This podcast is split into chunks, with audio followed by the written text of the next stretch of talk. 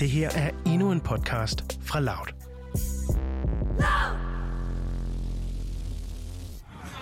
Vi er på den fransk-karibiske ø Martinique i slutningen af juli sidste år. På en mobiloptagelse er det en statue af Josephine de Boinet, der er i centrum. Eller det vil sige, det er det meste af statuen. Hovedet er nemlig blevet hugget af. Omkring statuen er der et stort, tykt ræb, som to-tre mænd står og trækker i ned fra jorden. Tilskuere i shorts og badesandaler har stillet sig i en halvcirkel ved statuen, der står og vejer frem og tilbage. Pludselig får de her mænd tippet statuen, der ryger forover og ryger direkte i jorden.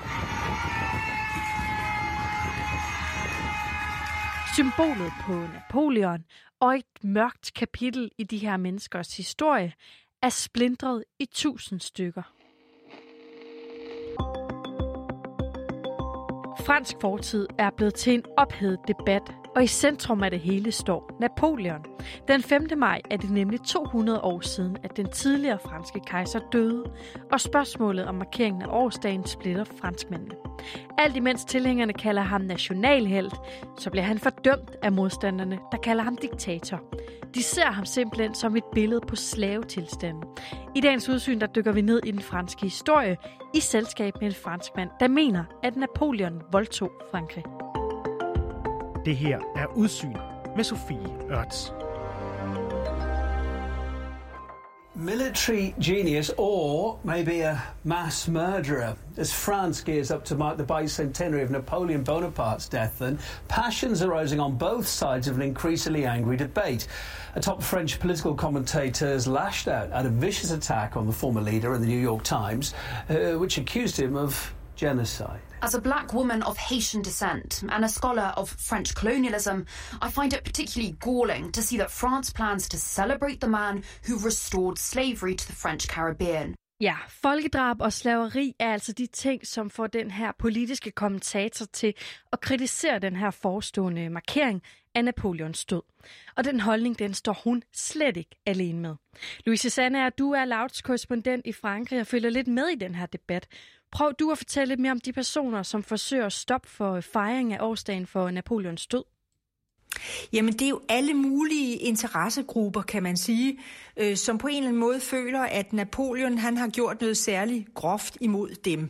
Øh, der er antiracister, som selvfølgelig er vrede over, at det var ham, som øh, genetablerede slaveriet. Det er feminister, som synes, at han havde et uhyrligt syn på kvinder.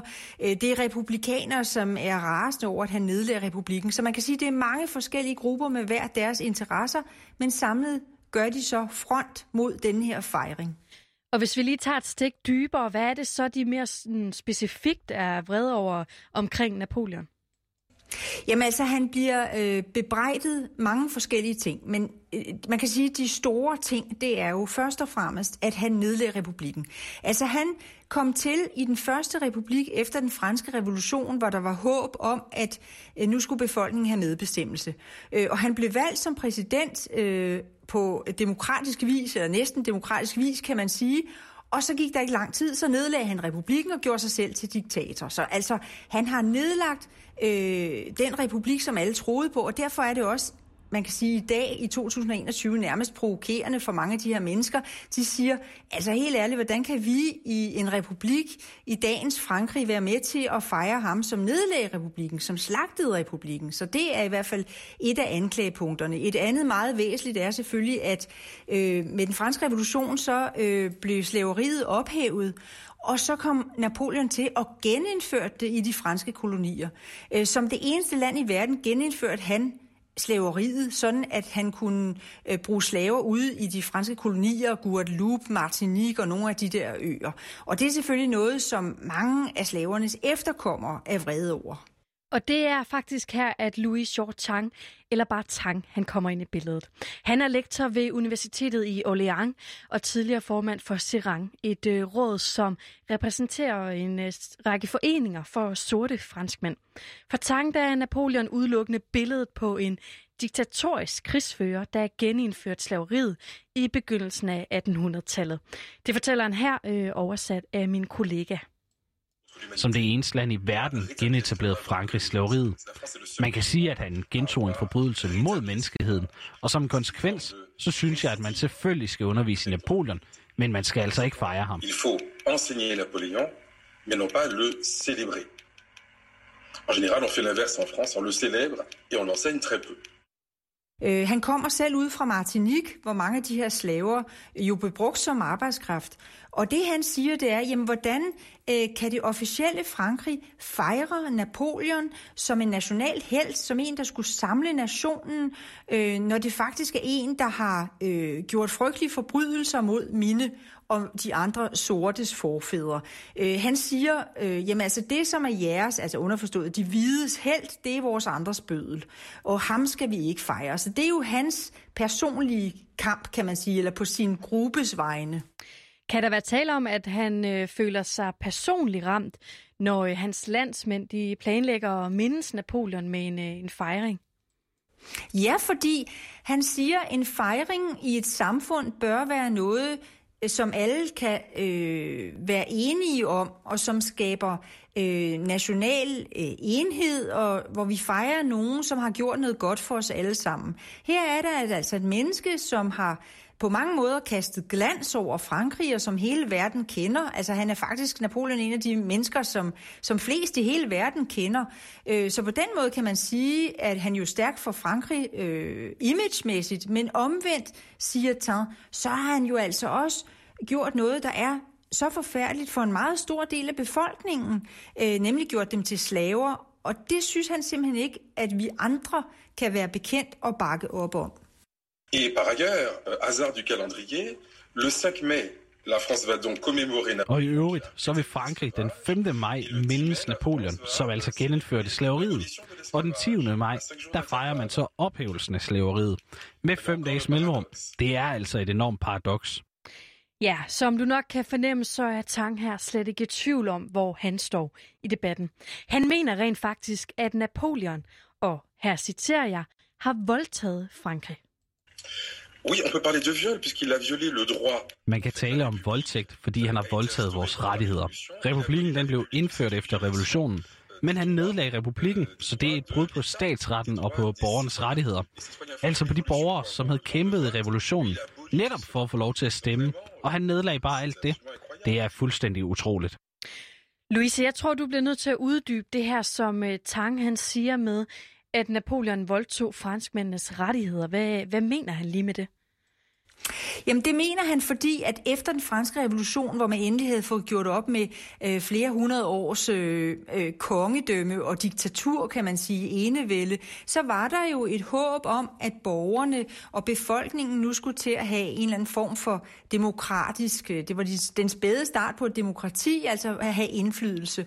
Øh, og der kan man sige, der gik Napoleon jo så ind og og slagtede mange af de, af de rettigheder, øh, blandt andet ved jo altså at gøre nogen til slaver, øh, men også for eksempel ved at lave en civillovgivning, hvor, hvor han helt klart stadfæstede, at mænd og kvinder for eksempel ikke er lige.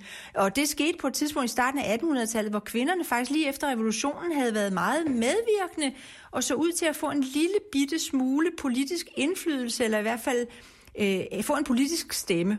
Og det slagtede han fuldstændig. Det er der, han mener, altså han har voldtaget en stor del af befolkningens rettigheder, og jo altså i det hele taget hele republikken, fordi den bare blev nedlagt, for han kunne gøre sig selv til kejser. Men Louise, alt det her, det foregik jo for mere end 200 år siden, og er noget, som vi øh, læser om i historiebøgerne. Prøv at sætte nogle ord på, hvordan den samlede franske befolkning ser på Napoleon den dag i dag. Jamen altså, i Frankrig er det utroligt for og imod, når det gælder Napoleon.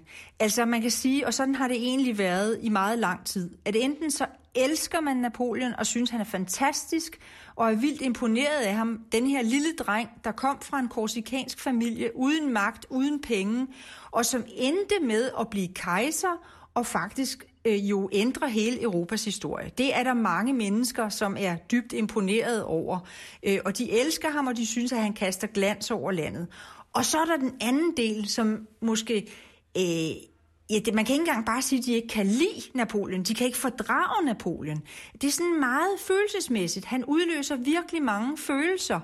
Øhm, og sådan har det egentlig været altid. Man kan bare sige, at det nye nu her op til fejringen af 200-året for hans død, det er, at de grupper, som ikke kan lide ham, nu går så vidt, så de siger, vi synes simpelthen, at vi skal stoppe de her fejringer. Sådan har det ikke været før. Man kan sige, før har de bare levet med, at der var udstillinger og bøger og film om Napoleon. Nu vil de have det stoppet. Og lad os så lige prøve at se på dem, som står på den anden side af den her debat. De personer, som øh, glædeligt iklæder sig kostymer, der minder om Napoleons kejserlige råber for at mindes ham. Som øh, for eksempel i det klip, du skal høre lige om lidt. Her har man i anledning af Napoleons 200 års fødselsdag genskabt hans kroning med alt, hvad det indebærer. Det vil sige, at en grandvoksen franskmand har iført sig en tung rød kappe med hvid pelskant. Og da han så bliver kronet, lidt ligesom Napoleon, så får han naturligvis en guldkrans omkring hovedet. Assistons maintenant à un instant symbolique de la cérémonie. L'empereur va se couronner. 215 ans après, l'empereur Bonaparte se présente devant des centaines d'Ajacciens au regard émerveillé. Cette représentation à l'église Saint-Roch d'Ajaccio reconstitue la cérémonie de 1804. Louise, som vi kan høre her i det her øh, klip, hvor de øh, genskaber den her øh, kroningsceremoni, øh, så er der jo også mange franskmænd, der har stor glæde i at hylde Napoleon ved forskellige anledninger. Hvilke argumenter bruger de personer i den her debat om, hvorvidt han skal fejres på årsdagen for sin død her øh, den 5. maj? Jamen altså, de argumenterer først og fremmest med, at han var øh, en fantastisk personlighed, altså øh, dels han, hans personlige historie, men også det der med, at han jo altså var en stor militærstrateg, at han valg, vandt mange slag, øh, at han øh, lavede nogle ting, der gjorde, at samfundet blev struktureret og organiseret. Han lavede nationalbank, han lavede øh, gymnasier, han fik øh, lavet en studentereksamen, så man kunne tage den. Øh, han lavede den her civillovgivning, som jo på mange måder var med til at organisere samfundet på en god måde. Så der er selvfølgelig ting, som han fik organiseret, der var godt. Og, og det hylder de ham for. Mest tror jeg hylder de ham for, at de synes, han var en fantastisk personlighed. Og så er der et argument, som du med garanti har hørt før. Nemlig argumentet om, at Napoleon, han levede jo i en anden tid, og derfor så kan han ikke stå til regnskab den dag i dag. Jamen altså, vi kan ikke komme øh, og vurdere øh, historiske personer med vores tids øjne. Altså, vi kan ikke hver gang, der er en person fra historien 200, 300, 500 år tilbage, så sige, nej, men ham eller hende kan vi ikke længere hylde, fordi de gjorde det og det og det, der var så forfærdeligt.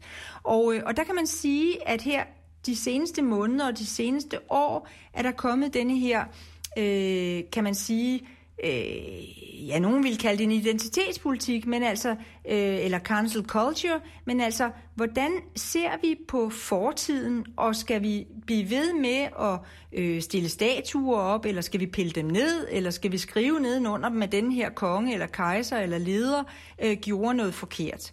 Øh, og det indskriver sig i den, altså kan man kigge kan man kigge på historiske personer med nutidens øjne. Og det er hele debatten i Frankrig lige nu, som faktisk er ret hissig. Je trouve ça très grave et très dangereux. Euh, Peut-être demain, quelqu'un va nous dire, mais vous savez, euh, à l'époque de la Seconde Guerre mondiale, les Allemands, ils pensaient pas comme nous aujourd'hui. Det synes jeg er meget alvorligt og meget farligt. Så kan en fyr komme og sige til dig, du ved, dengang under 2. verdenskrig, der tænkte tyskerne ikke lige så meget, som vi gør i dag. De så på tingene på en anden måde. Så det er ikke så alvorligt. De kunne ikke gøre for det. Den slags argumenter bekymrer mig meget. Moi, ça m'inquiète beaucoup, ces arguments. Så Louise, er det her et tegn på, at Frankrig nu har meldt sig ind i den her øh, ja, efterhånden globale debat om, hvorvidt vi egentlig skal hylde fortiden og vores forfædre, uanset hvordan det så bliver fortolket i dag? Ja, den er også kommet til Frankrig. Den er kommet til Frankrig senere, øh, end den er op hos jer i Danmark. Øh, og det er den, for, fordi generelt er Frankrig bare et konservativt samfund. Så nye strømninger og nye trends kommer bare senere til Frankrig, end de gør alle mulige andre steder. Men den er kommet her nu, og den gælder ikke kun, kan man sige, historiske personer, den gælder også øh, kunstnere, filmmager, forfattere osv., øh, der har gjort noget, som øh, mange grupper ikke synes er i orden. Skal man så blive ved med at se på deres malerier, læse deres bøger, høre deres musik, eller skal de hænges op på det, de har gjort. Så man kan sige, at det gælder både øh, historiske personer, men det gælder selvfølgelig også øh, nulevende, øh, som har gjort et eller andet, som nogle andre ikke bryder sig om. Il y a des héros en France à célébrer. La France n'est pas un pays euh, pire que les autres. Der er bestemt helte i Frankrig, som vi kunne fejre. Altså, Frankrig er ikke værre end så mange andre lande. Men vi bør fejre de virkelige helte. Jeg siger til de franske nationalister, hvis I vil fejre Frankrig, ja hvorfor ikke? Men hvordan vil I skabe national enhed, når jeres helte er vores bødler? Louise, tror du, at den her modstand den kan være med til at øh, stikke en kæp i hjulet på fejringen af Napoleon øh, den 5. maj? Ja, altså det er der helt klart øh, en risiko eller sandsynlighed, alt efter hvordan man ser på det for. Øh, altså for eksempel har, øh, har Salle de la Villette, som er et stort udstillingssted øh, op øh, i det nordlige Paris, øh, de har forberedt en enorm stor udstilling, en mega udstilling om Napoleon, som har kostet dem flere øh, millioner euro, og det er helt klart årets trækplaster for dem.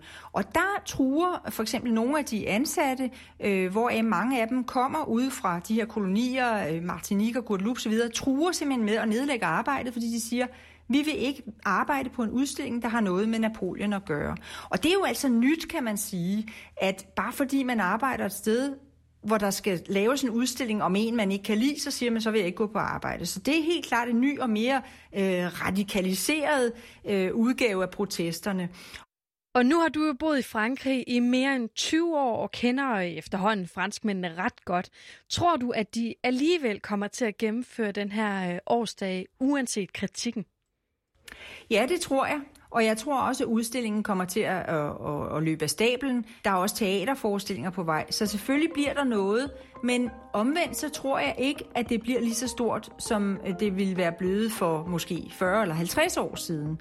Øh, fordi der helt klart er blevet meget mere, der er et meget mere kritisk syn på historiske personer, end der har været før i tiden.